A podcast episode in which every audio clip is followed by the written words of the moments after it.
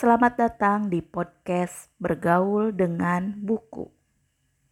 Di episode kali ini, saya akan membacakan buku The Life Changing Magic of Tie-Dyeing Up yang ditulis oleh Marie Kondo.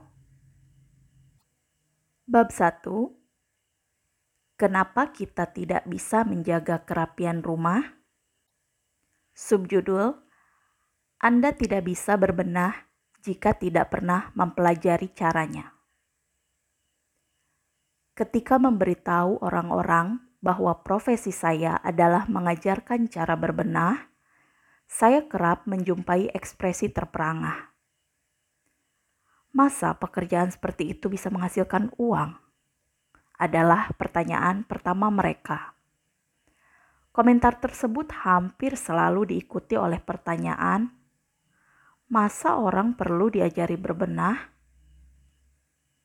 Memang betul bahwa beragam instruktur dan kursus menawarkan segala macam pelajaran, mulai dari memasak dan cara mengenakan kimono hingga yoga dan meditasi Zen. Tetapi bisa dipastikan bahwa Anda tidak akan menemukan kursus berbenah Menurut asumsi umum, setidak-tidaknya di Jepang, berbenah tidak perlu diajarkan karena merupakan keterampilan yang dapat kita kuasai sendiri. Keterampilan memasak dan resep diwariskan secara turun-temurun dalam keluarga, dari nenek ke ibu ke anak perempuan, tetapi kita tidak pernah mendengar ada keluarga yang mewariskan rahasia berbenah secara turun-temurun, bahkan dalam keluarga yang tinggal seatap. Ingat-ingat kembali masa kecil Anda. Saya yakin kebanyakan dari kita pernah dimarahi karena tidak merapikan kamar. Tetapi berapa banyak yang orang tuanya secara khusus mengajarkan cara berbenah sebagai bagian dari pendidikan untuk anak. Orang tua menuntut kita agar membereskan kamar, tetapi mereka sendiri juga tidak pernah diajari berbenah. Ketika menyangkut perkara beres-beres, kita semua belajar sendiri. Bukan saja tidak diajarkan di rumah, berbenah juga tidak diajarkan di sekolah dalam pelajaran PKK, kita mungkin ditugasi membuat hamburger atau belajar menggunakan mesin jahit untuk membuat celemek. Tetapi dibandingkan tata boga dan tata busana, sedikit sekali waktu yang dialokasikan untuk topik tata menata. Kalaupun tercantum dalam buku pelajaran, topik tersebut hanya dibaca di kelas atau lebih parah lagi, dilewati untuk dibaca di rumah sendiri-sendiri, sehingga murid-murid bisa lanjut ke topik-topik yang lebih populer, seperti makanan dan kesehatan. Akibatnya, bahkan segelintir lulusan program studi PKK yang pernah belajar bebenah secara formal, pada praktiknya tetap tidak bisa berbenah. Karena sandang, pangan, dan papan adalah kebutuhan pokok manusia, tempat tinggal tentu sama pentingnya dengan makanan dan pakaian. Namun, dalam masyarakat, mengurus rumah supaya layak huni justru diremehkan karena ada anggapan bahwa kemampuan berbenah didapatkan melalui pengalaman, sehingga tidak memerlukan pelatihan, padahal ini salah kaprah. Apakah orang yang lebih berpengalaman beres-beres menjadi lebih lihai berbenah ketimbang yang kurang berpengalaman? Jawabannya tidak. Murid saya 25 persennya adalah perempuan 50-an tahun. Sedangkan mayoritas dari mereka sudah menjadi ibu rumah tangga selama hampir 30 tahun. Dengan kata lain, mereka adalah veteran di bidang mengurus rumah. Namun, Apakah mereka lebih lihai bebenah ketimbang perempuan 20-an tahun? Justru sebaliknya. Saking lamanya mempraktikkan pendekatan-pendekatan konvensional yang keliru, para ibu rumah tangga tersebut malah kewalahan karena rumah mereka kepenuhan barang yang tidak perlu. Sedangkan metode menyimpan pada tempatnya ternyata tidak efektif untuk mempertahankan kerapian. Mana mungkin orang mampu beres-beres kalau mereka belum pernah mempelajari cara berbenah yang benar? Jika Anda juga tidak tahu caranya berbenah, jangan patah arang. Sekaranglah waktunya belajar.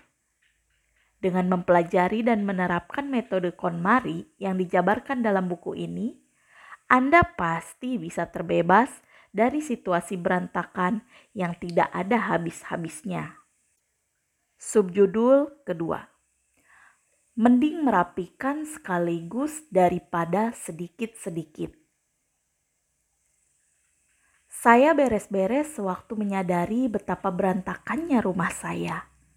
Tetapi tidak lama kemudian, rumah yang sudah rapi selalu saja acak-acakan lagi. Keluhan ini sering terdengar, sedangkan tanggapan yang lazim didengung-dengungkan oleh rubrik saran di majalah-majalah adalah jangan coba-coba merapikan seisi rumah sekaligus. Ujung-ujungnya Anda pasti kembali ke kebiasaan berantakan. Biasakanlah untuk berbenah sedikit-sedikit. Saya mendapati nasihat klise tersebut untuk kali pertama saat berusia lima tahun. Sebagai anak tengah dari tiga bersaudara, saya mendapatkan banyak kebebasan semasa kanak-kanak. Ibu saya repot mengurus adik perempuan saya yang masih bayi, sedangkan kakak laki-laki saya yang dua tahun lebih tua menempel terus ke TV karena sibuk bermain video game. Alhasil, saya biasanya menghabiskan waktu di rumah seorang diri. Hobi saya adalah membaca majalah interior dan gaya hidup Ibu saya berlangganan ESSE, majalah yang memuat artikel-artikel mengenai desain interior, kiat bersih-bersih, dan ulasan produk. Begitu majalah tersebut sampai di rumah, saya langsung mengambilnya dari kotak pos. Bahkan sebelum ibu saya tahu bahwa majalah sudah diantarkan. Merobek amplop pembungkusnya, kemudian menekuri isinya. Sepulang sekolah, saya gemar mampir ke toko buku dan melihat-lihat Orange Page, majalah makanan populer di Jepang. Saya sebenarnya belum mahir membaca, tetapi majalah tersebut yang syarat foto hidangan menggiurkan, pedoman menakjubkan untuk menghilangkan noda dan kotoran, serta kiat-kiat mengirit sama memikatnya bagi saya, seperti halnya panduan game untuk kakak saya. Saya lantas melipat sudut halaman yang menarik perhatian saya dan berkhayal bakal mencoba kiat yang dipaparkan. Saya juga mengarang beragam permainan, soliter. Contohnya, sesudah membaca artikel tentang penghematan, saya serta-merta berkeliling rumah untuk melakukan permainan hemat energi, yakni mencabut colokan alat-alat elektronik yang tidak digunakan dari stop kontak sekalipun saya tidak tahu apa-apa mengenai meteran listrik. Sebagai reaksi atas artikel lain, saya mengisi botol-botol plastik dengan air dan memasukkannya ke tangki toilet dalam rangka lomba hemat air seorang diri. Artikel tentang penyimpanan mengilhami saya untuk mengubah kotak susu menjadi sekat untuk laci dan membuat rak surat dengan cara menumpuk kotak-kotak video kosong di sela dua perabot. Di sekolah, sementara anak-anak lain bermain lempar bola atau lompat tali, saya diam-diam menyingkir untuk merapikan rak buku di kelas kami atau mengecek isi lemari sapu sambil merutuki metode penyimpanan yang payah. Kalau ada kait, pasti lebih praktis. Akan tetapi, ada satu masalah yang sepertinya tak kunjung terpecahkan. Serajin apa pun saya berbenah, tidak lama berselang, semuanya pasti acak-acakan lagi. Sekat kotak susu di dalam laci saya roboh karena kepenuhan pulpen. Rak dari kotak video ambruk ke lantai karena penuh sesak dengan surat dan kertas. Dalam perkara memasak dan menjahit, semakin sering berlatih maka semakin mahir pula lah kita. Tetapi sekalipun berbenah juga merupakan pekerjaan rumah tangga, kemampuan saya sepertinya tidak berkembang meskipun saya sering kali beres-beres. Tidak ada tempat yang kerapiannya terjaga untuk waktu lama. Mau bagaimana lagi? Begitulah saya menghibur diri. Kebiasaan berantakan memang sudah lumrah. Kalau aku merapikan semuanya sekaligus, bisa-bisa aku kewalahan. Saya sudah membaca pernyataan itu dalam banyak artikel mengenai berbenah dan alhasil menganggapnya benar. Jika sekarang saya punya mesin waktu, saya akan kembali ke masa lalu dan memberitahu diri saya sendiri, itu justru keliru. Kalau kau menggunakan pendekatan yang tepat, kau takkan pernah lagi kembali ke kebiasaan berantakan. Menurut asumsi umum, karena kebiasaan berantakan sudah tertanam begitu dalam di alam bawah sadar kita, merapikan secara menyeluruh bukan cuma sia-sia, melainkan juga berbahaya karena bisa-bisa menjadikan kita semakin malas. Namun, jangan tertipu. Begitu kita memindahkan perabot dan menyingkirkan sampah, berubahlah ruangan kita. Memang sesederhana itu merapikan rumah secara menyeluruh sama dengan berbenah secara menyeluruh. Dalam bahasa Jepang, istilahnya adalah ikini atau sekaligus. Orang kembali ke kebiasaan berantakan karena mereka mengira sudah beres-beres secara menyeluruh.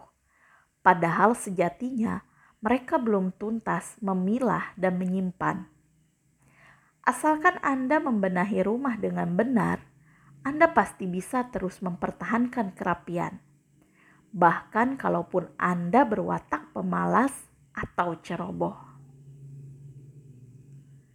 Subjudul selanjutnya, berbenah sedikit-sedikit tiap hari berarti berbenah tanpa henti. Jika Anda merapikan seisi rumah sekaligus, anda akan kembali pada kebiasaan berantakan. Mending biasakan untuk berbenah sedikit-sedikit. Walaupun saran ini kedengarannya sangat menggoda, kalimat pertama sudah terbukti salah. Bagaimana dengan kalimat kedua yang menyarankan bahwa kita sebaiknya berbenah sedikit demi sedikit? Meski kedengarannya meyakinkan, jangan tertipu Pekerjaan beres-beres terkesan tidak ada habis-habisnya, justru karena kita hanya berbenah sedikit-sedikit. Secara umum, mengubah kebiasaan yang sudah mengakar bertahun-tahun sangatlah sukar. Jika sampai saat ini Anda belum pernah berhasil mempertahankan kerapian, Anda akan melihat bahwa berbenah sedikit-sedikit bisa dibilang nyaris mustahil kita tidak bisa mengubah kebiasaan jika cara pikir kita belum berubah. Padahal, mengubah cara pikir tidak mudah. Bagaimanapun, sulit mengendalikan apa yang kita pikirkan. Walaupun begitu, ada satu cara yang bisa kita lakukan untuk mengubah drastis pola pikir kita mengenai kegiatan berbenah. Topik serba-serbi berbenah menarik perhatian saya untuk kali pertama semasa SMP. Pemicunya adalah buku berjudul Seni Membuang karya Nagisa Tatsumi. Takarajimasha Inc. yang menjelaskan pentingnya membuang barang-barang yang tidak perlu. Saya membeli buku itu dalam perjalanan pulang sekolah karena penasaran, sebab saya tidak pernah menjumpai topik tersebut sebelumnya. Dan saya masih ingat betapa terkejutnya saya saat membaca buku itu di kereta. Saking berkonsentrasinya, saya hampir melewatkan perhentian saya. Setibanya di rumah, saya langsung masuk ke kamar sambil membawa sejumlah kantong sampah dan mengurung diri di sana selama beberapa jam. Walaupun kamar saya kecil, pada saat selesai beres-beres, saya sudah memenuhi delapan kantong sampah, baju yang tidak pernah dipakai, buku pelajaran SD, mainan yang sudah bertahun-tahun tidak pernah digunakan, koleksi penghapus dan cap. Saya bahkan lupa memiliki sebagian besar barang tersebut. Setelah itu, saya duduk terpaku di lantai selama satu jam sambil memandangi gundukan kantong sampah dan membatin. Kenapa pula aku repot-repot menyimpan semua ini?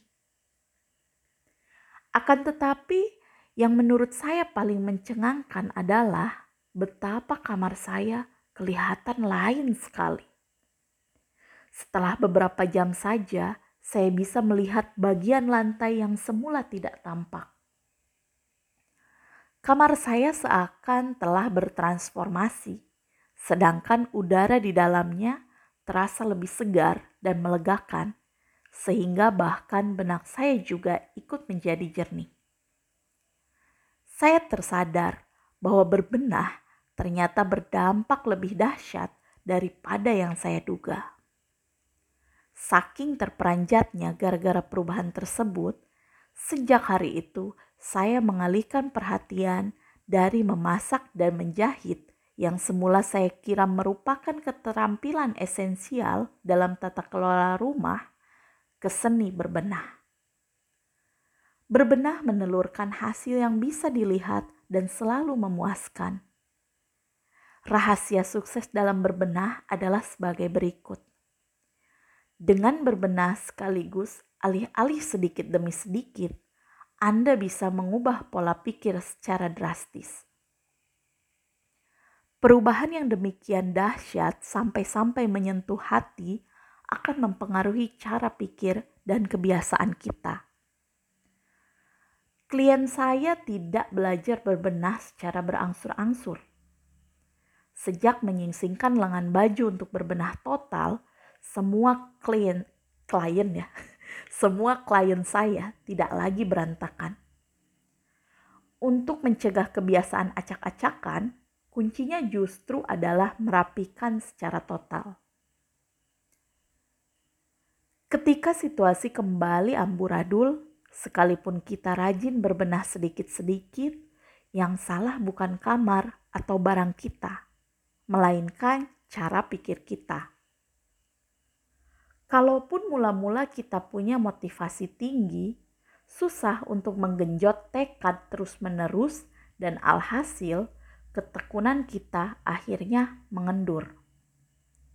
Akar penyebabnya adalah hasil usaha kita tidak serta-merta kelihatan atau memberikan efek. Oleh sebab itu, supaya bisa mempertahankan kerapian, penting bahwa hasil kerja keras kita dalam berbenah langsung kelihatan. Asalkan kita menggunakan metode yang tepat dan mencurahkan upaya untuk mengenyahkan situasi berantakan secara tuntas dalam kurun waktu singkat, hasilnya pasti langsung kelihatan sehingga kita akan terdorong untuk mempertahankan kerapian hingga seterusnya.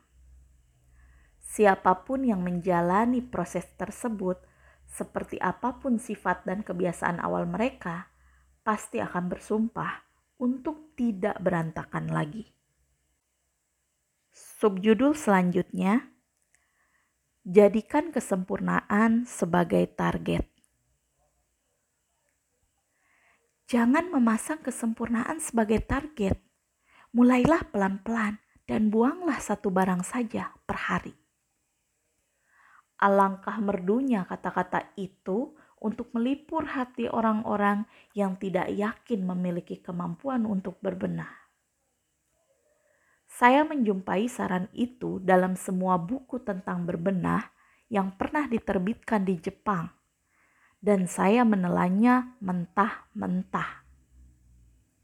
Sekalipun terpacu untuk giat menjaga kerapian setelah sempat menyaksikan diri, menyaksikan sendiri dahsyatnya imbas dari berbenah, saya lambat laun merasa patah semangat karena hasilnya tidak kunjung kelihatan.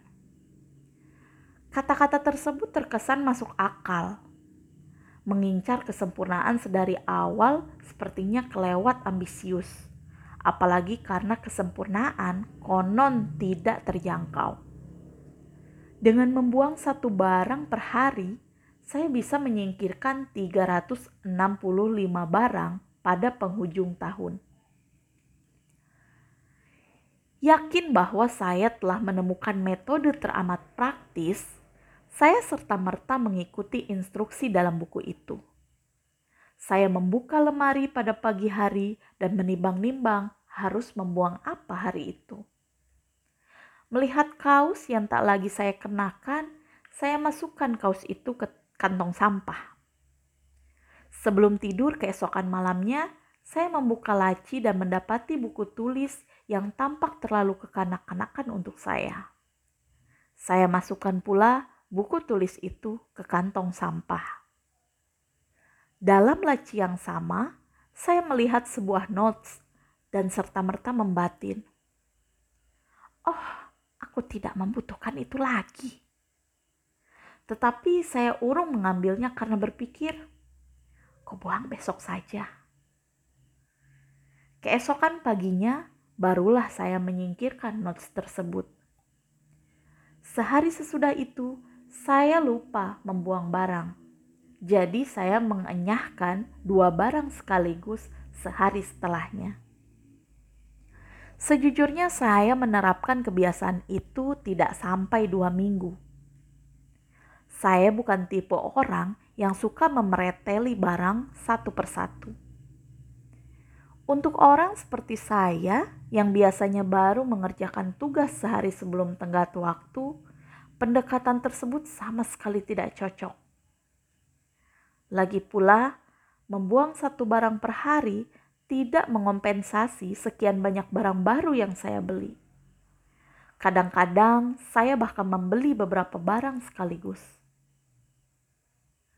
Pada akhirnya, laju pembuangan barang lama tidak setara dengan laju pembelian barang baru, dan saya kecewa sendiri karena kamar saya tetap saja acak-acakan. Tidak lama kemudian, saya sudah lupa mematuhi aturan untuk membuang satu barang per hari. Jadi, berdasarkan pengalaman saya pribadi, dapat saya beritahukan bahwa rumah Anda tak akan rapi-rapi jika Anda hanya berbenah setengah hati. Jika sama seperti saya, anda tidak berwatak rajin dan ulet, saya sarankan agar Anda mematok kesempurnaan sebagai target barang sekali saja. Banyak yang mungkin akan memprotes kata kesempurnaan, bersikukuh bahwa target itu mustahil. Namun, jangan khawatir. Berbenah pada intinya adalah tindakan ragawi belaka. Secara garis besar, berbenah dapat dibagi ke dalam dua aktivitas. Memutuskan untuk membuang suatu barang atau tidak, kemudian memutuskan hendak menyimpannya di mana. Asalkan bisa mengerjakan keduanya, Anda pasti bisa mencapai kesempurnaan. Benda memiliki wujud dan dapat dihitung, bukan sebuah konsep abstrak belaka. Anda tinggal melihat tiap barang satu persatu, kemudian memutuskan hendak menyimpannya atau tidak. Lantas menentukan hendak menyimpannya di mana.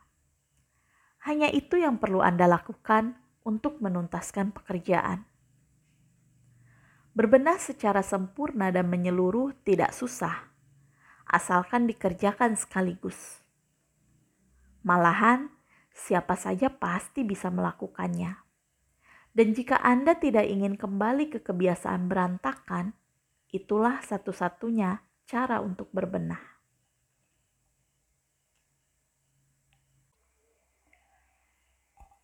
Subjudul selanjutnya. Memulai berbenah berarti membuka lembaran hidup baru. Pernahkah Anda tidak bisa belajar pada malam sebelum ujian dan lantas mulai beres-beres dengan kalut? Saya akui saya pernah. Malahan, saya sering melakukan itu. Saya kumpulkan tumpukan fotokopian di atas meja dan lantas membuang semuanya ke tempat sampah. Lalu, karena tidak bisa berhenti, saya ambil buku-buku pelajaran dan kertas yang berserakan di lantai dan mulai menatanya di rak. Akhirnya saya membuka laci meja, kemudian menata pulpen serta pensil di dalamnya. Ketika saya melirik jam, ternyata sudah pukul 2.30 pagi. Ketiduran karena dilanda kantuk, saya mendadak terbangun saat sudah pukul 5 pagi. Dan baru saat itulah, dalam keadaan panik, saya membuka buku pelajaran dan meneguhkan hati untuk belajar. Saya mengira hanya saya yang kerap berhasrat untuk beres-beres sebelum ujian.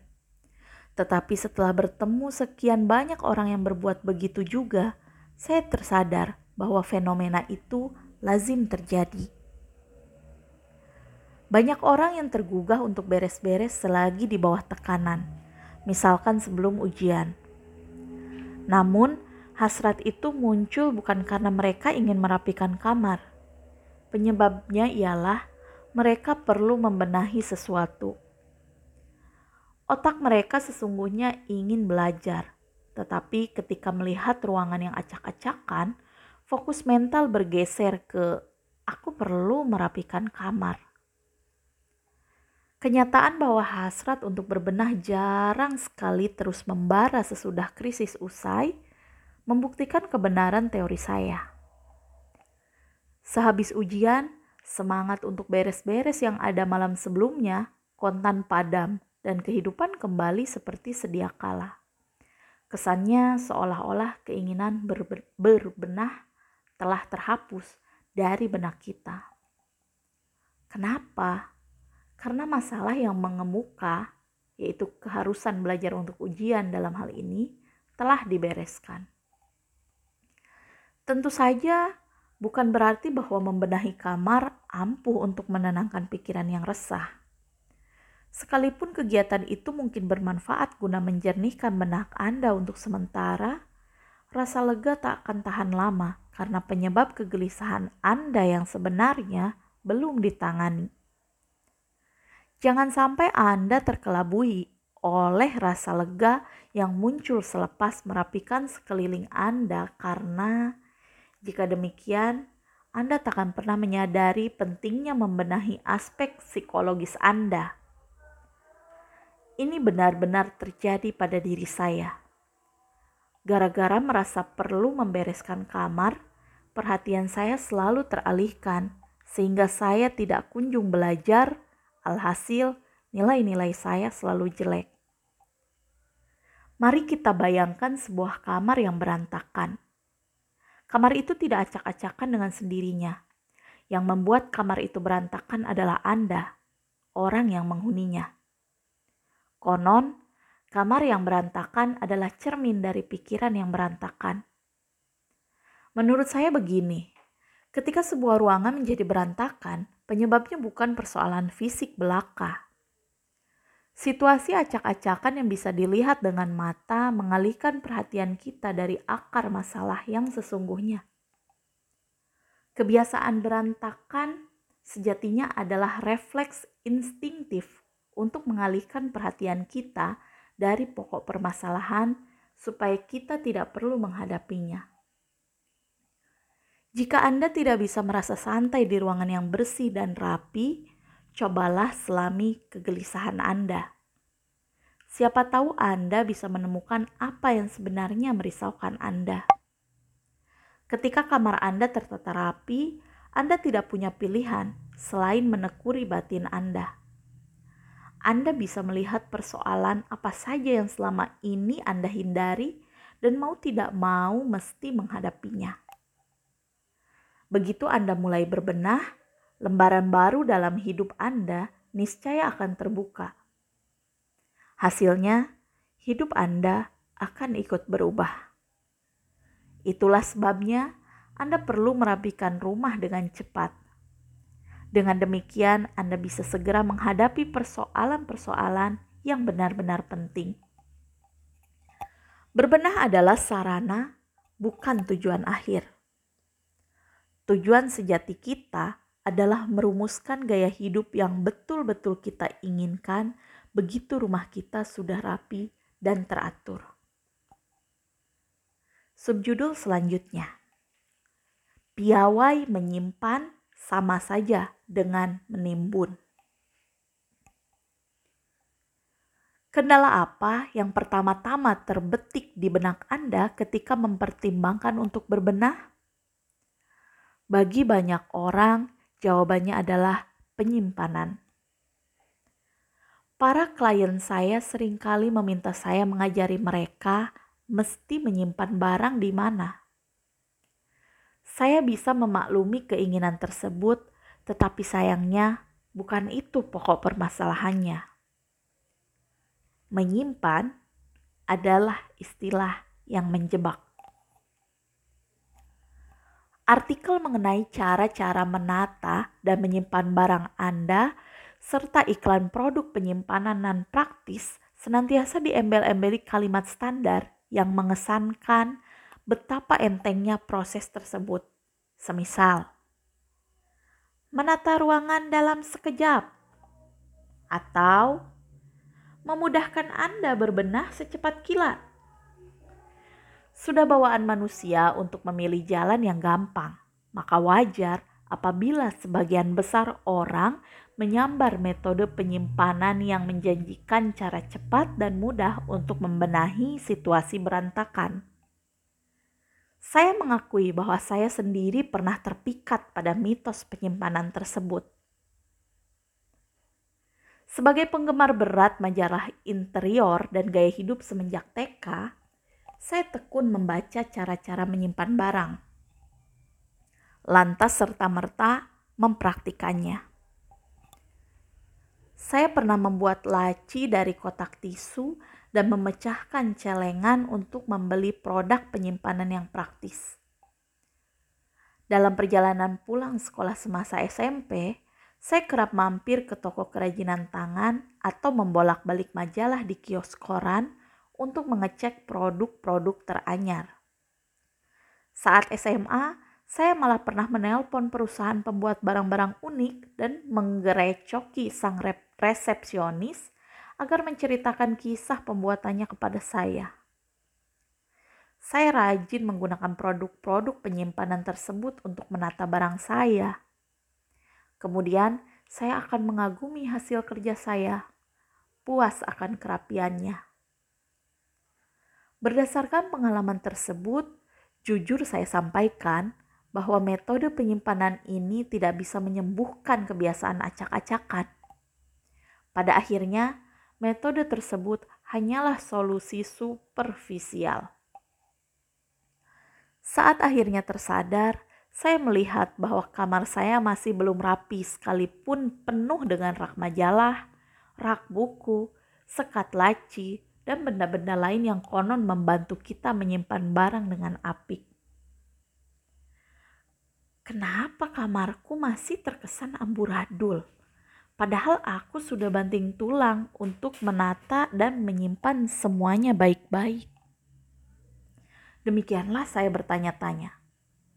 Sambil dicekam keputusasaan, saya menengok isi tiap unit penyimpanan dan seketika terperanjat saya tidak membutuhkan sebagian besar barang yang tersimpan di dalamnya. Walaupun saya kira sudah berbenah, sebenarnya saya hanya membuang-buang waktu dengan meminggirkan barang-barang agar tidak kelihatan, menyembunyikan benda-benda yang tidak saya butuhkan di dalam wadah tertutup. Menyimpan barang di tempat yang tidak kelihatan memunculkan ilusi seolah-olah situasi yang amburadul sudah teratasi. Namun cepat atau lambat, semua unit penyimpanan menjadi penuh dan kamar lagi-lagi kepenuhan barang, sehingga diperlukanlah metode penyimpanan baru yang mudah. Demikianlah lingkaran setan tersebut seakan tidak berujung. Oleh sebab itu, berbenah harus diawali dengan membuang. Sebelum menaruh dan menata barang, kita mesti menentukan dahulu barang apa saja yang sungguh kita inginkan dan perlu disimpan. Subjudul selanjutnya memilah berdasarkan kategori, bukan lokasi. Saya mulai serius mendalami serba-serbi berbenah sewaktu duduk di bangku SMP. Pada dasarnya, yang saya lakukan sederhana saja yaitu berbenah secara rutin dan berulang-ulang. Tiap hari saya membersihkan satu tempat kamar saya sendiri, kamar kakak saya, kamar adik saya, dan kamar mandi. Tiap hari saya merencanakan tempat saya hendak beres-beres. Lantas meluncurkan proyek solo yang menyerupai acara cuci gudang. Tanggal 5 tiap bulannya adalah hari ruang keluarga. Hari ini adalah hari bersih-bersih lemari dapur. Besok aku akan menaklukkan lemari-lemari di kamar mandi. Saya rutin menjalankan kebiasaan ini bahkan sesudah masuk SMA.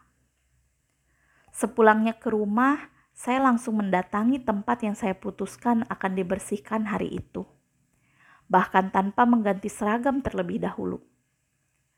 Jika sasaran saya adalah sederet laci plastik di lemari kamar mandi, saya akan membuka semuanya, kemudian mengeluarkan seluruh isi laci satu persatu, termasuk sampel kosmetik, sabun, sikat gigi, dan silet. Lalu saya pilah benda-benda tersebut berdasarkan kategori untuk dimasukkan ke dalam kotak bersekat-sekat kemudian mengembalikan semuanya ke laci. Selepas menatap kagum benda-benda yang sudah tertata rapi berdasarkan kategori, saya melanjutkan kegiatan berbenah ke laci berikutnya. Ada kalanya saya duduk di lantai berjam-jam untuk memilah barang-barang dari lemari sampai dipanggil untuk makan malam oleh ibu saya. Suatu hari Selagi memilah-milah isi laci di lemari ruang depan, saya terbengong-bengong karena kaget. Ini pasti sama dengan lemari yang kubereskan kemarin, pikir saya. Ternyata bukan, tetapi isinya sama. Sampel kosmetik, sabun, sikat gigi, dan silet.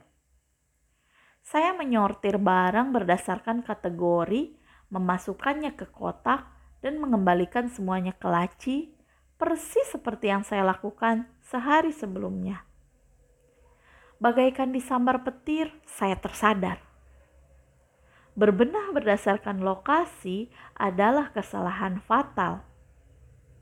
Saya malu mengakui bahwa saya baru menyadarinya sesudah tiga tahun. Banyak orang terkejut karena pendekatan yang sepertinya masuk akal tersebut justru keliru. Akar masalahnya, orang sering menyimpan jenis barang yang sama di lebih dari satu tempat. Sewaktu membenahi tiap tempat secara terpisah, kita luput melihat bahwa kita semata-mata mengulangi pekerjaan yang sama di banyak tempat, dan alhasil terus-menerus berbenah tanpa ada habisnya. Untuk menghindarinya, saya sarankan agar Anda berbenah berdasarkan kategori. Misalnya, Alih-alih memutuskan untuk membenahi ruangan tertentu pada hari ini, tetapkan tujuan seperti Hari ini membereskan pakaian, besok buku. Satu penyebab di balik kegagalan kita mempertahankan kerapian adalah terlampau banyaknya barang yang kita miliki. Keadaan berlebih ini disebabkan oleh ketidaktahuan kita akan seberapa banyak barang yang sebenarnya kita miliki. Apabila barang jenis tertentu kita simpan secara tersebar di sepenjuru rumah, padahal kita membenahi tempat penyimpanan dan ruangan satu persatu, kita tentu tak akan menyadari jumlah keseluruhannya, dan alhasil tak akan tuntas beres-beres. Dalam rangka membebaskan diri dari lingkaran setan tersebut, berbenahlah berdasarkan kategori, bukan lokasi. Subjudul selanjutnya. Jangan mengubah metode agar cocok dengan kepribadian Anda. Buku panduan berbenah sering kali mengklaim bahwa situasi acak-acakan memiliki penyebab yang berbeda-beda bergantung pada tiap orang. Dan alhasil kita mesti memilih metode yang paling sesuai dengan tipe kepribadian kita. Sekilas argumen itu terkesan meyakinkan. Jadi itu sebabnya ya, aku tidak bisa mempertahankan kerapian. Kita mungkin berpikir demikian. Metode yang kugunakan tidak sesuai dengan karakterku kita bisa mengecek tabel praktis untuk menentukan metode mana yang cocok untuk orang pemalas, orang sibuk, orang rewel, atau orang yang tidak rewel, dan menentukan mana yang pas untuk kita. Suatu saat saya sempat mendalami wacana mengenai berbenah berdasarkan tipe kepribadian. Saya membaca buku tentang psikologi menanyai para klien tentang golongan darah dan karakter orang tua mereka, dan sebagainya. Dan malah mencoba pendekatan berbasis Dobutsu Uranai alias Shio. Lebih dari lima tahun saya menganalisis temuan saya di seputar metode berbenah terbaik berdasarkan tipe kepribadian. Walaupun begitu, saya akhirnya menyimpulkan bahwa percuma mengubah pendekatan supaya sesuai dengan kepribadian orang per orang. Dalam urusan beres-beres, kebanyakan orang pada dasarnya pemalas. Selain itu, mereka sibuk. Mengenai rewel atau tidak, semua orang rewel dalam hal tertentu, tetapi tidak dalam hal lain.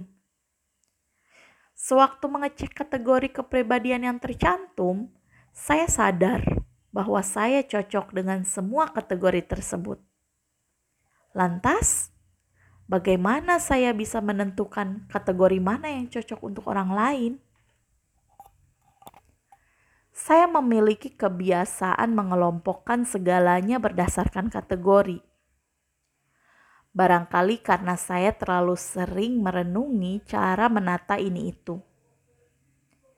Sewaktu baru menjadi konsultan, saya berusaha keras mengelompokkan klien berdasarkan kategori tertentu dan menyesuaikan layanan saya agar cocok dengan tiap kategori.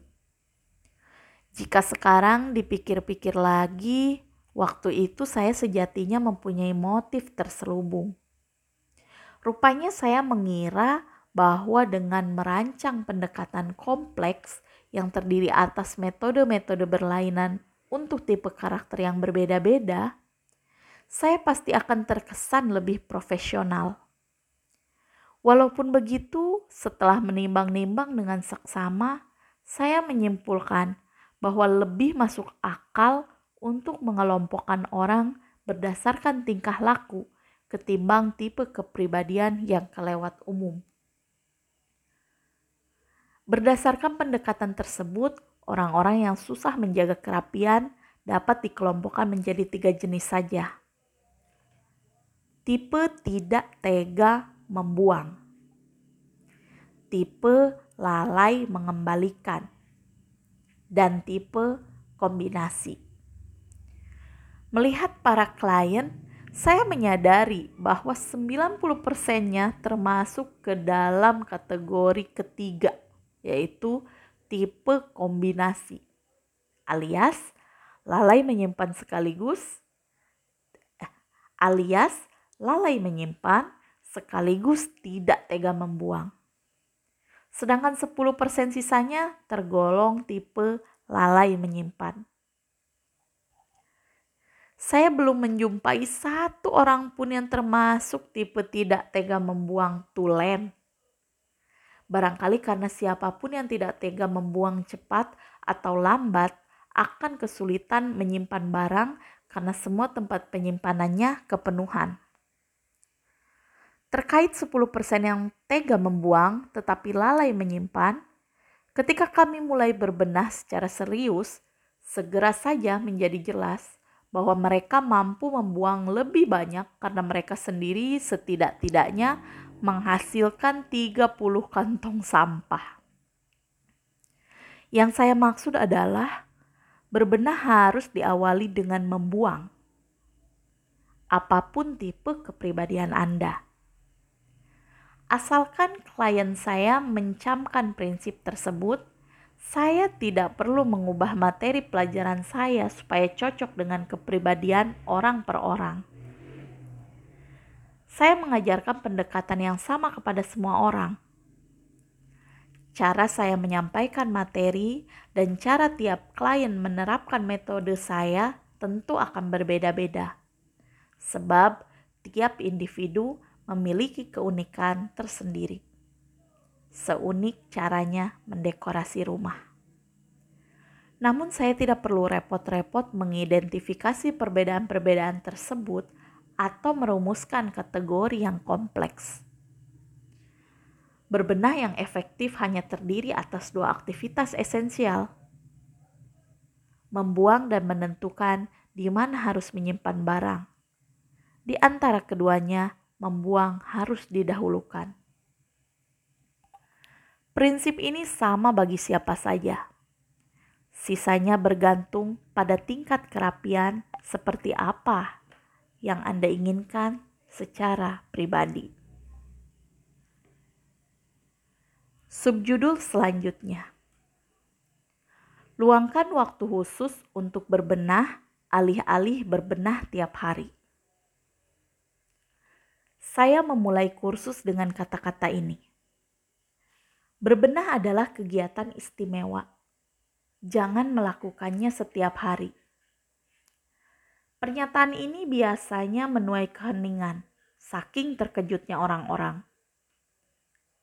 Tentu saja, ada banyak perspektif di seputar seni berbenah, dan sekalipun saya sudah mengkaji topik tersebut secara mendalam, bukan berarti saya mengetahui semua metode berbenah. Oleh sebab itu, yang saya paparkan di sini semata-mata berlaku untuk metode saya sendiri. Walaupun begitu, perkenankan saya untuk mengulangi. Berbenah hanya perlu dikerjakan sekali, atau lebih tepatnya, pekerjaan berbenah mesti tuntas sekaligus dalam satu jangka waktu. Jika Anda mengira bahwa berbenah adalah kesibukan tak berkesudahan yang mesti dikerjakan tiap hari, Anda salah besar. Berbenah terdiri atas dua jenis, yakni beres-beres harian dan beres-beres khusus. Beres-beres harian yaitu menggunakan dan mengembalikan sesuatu pada tempatnya akan senantiasa menjadi bagian dari kehidupan kita selama kita masih perlu menggunakan pakaian, buku, alat tulis, dan sebagainya.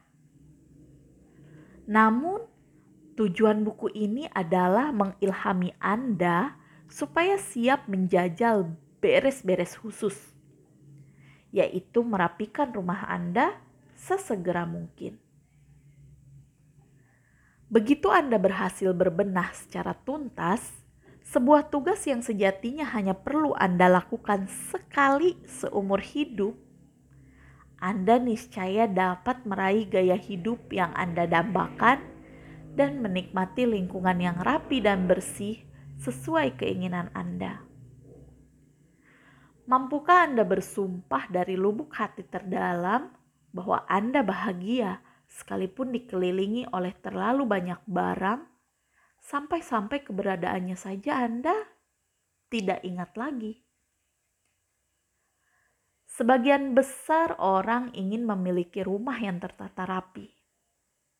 Sayangnya, kebanyakan orang gagal menyikapi berbenah sebagai acara khusus dan justru pasrah menjadikan ruangan-ruangan di rumahnya sebagai gudang penyimpanan.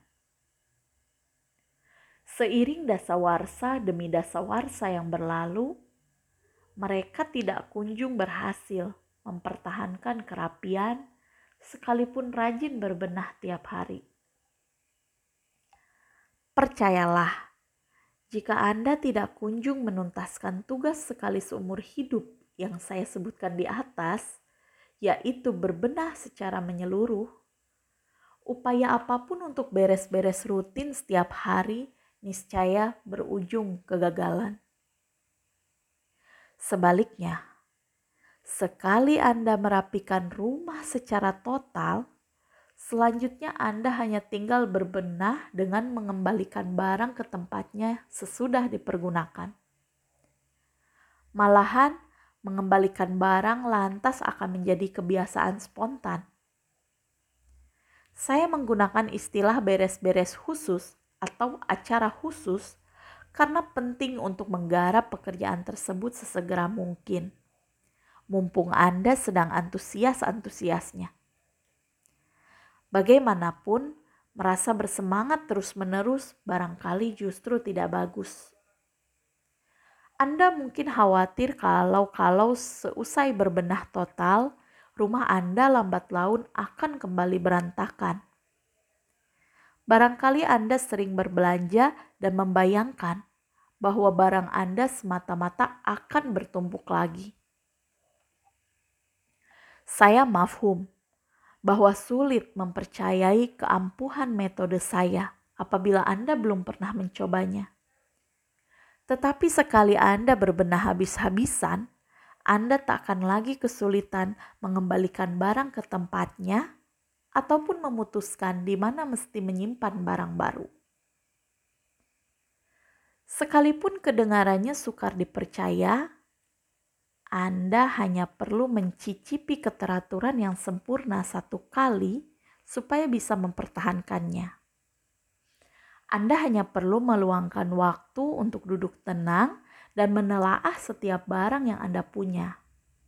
Lantas memutuskan apakah hendak menyimpan atau membuangnya. Kemudian menentukan hendak menaruh barang simpanan Anda di mana. Pernahkah Anda berkata di dalam hati bahwa aku tidak piawai berbenah atau percuma saja? Aku pada dasarnya bukan orang yang rapi. Banyak orang yang bertahun-tahun berpandangan negatif terhadap diri sendiri, tetapi persepsi itu kontan tersapu bersih begitu mereka merasakan sendiri betapa rapi dan bersihnya tempat tinggal mereka. Perubahan persepsi diri yang demikian drastis, keyakinan bahwa kita bisa melakukan apa saja asalkan bertekad bulat, turut mengubah perilaku dan gaya hidup.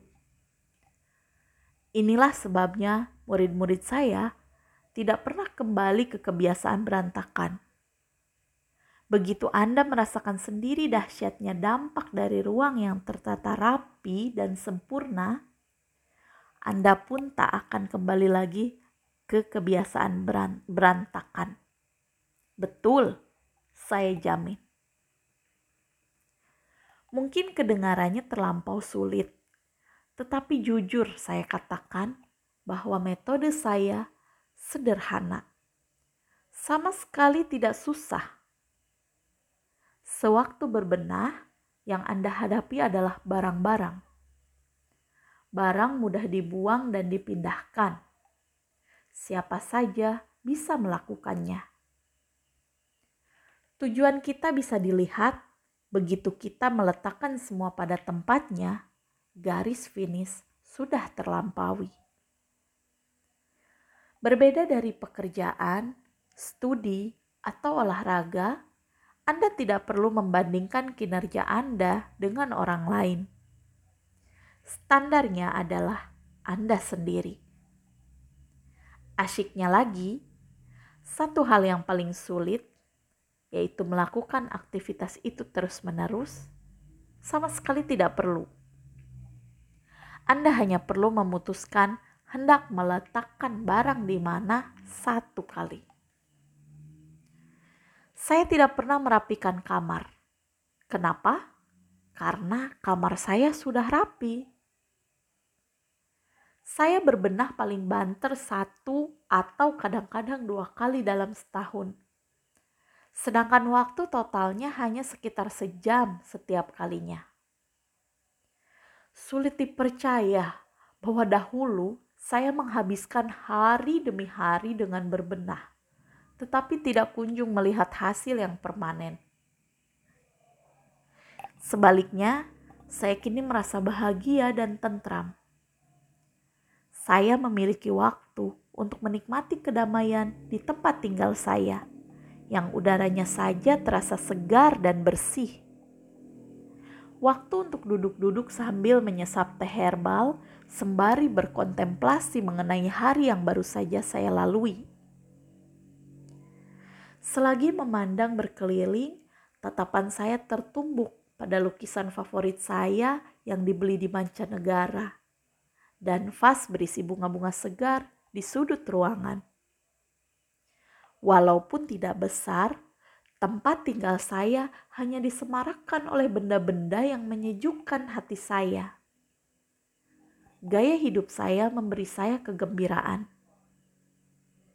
Tidakkah Anda ingin hidup seperti itu juga? Mudah saja. Begitu Anda tahu cara merapikan rumah Anda, dengan sebenar-benarnya.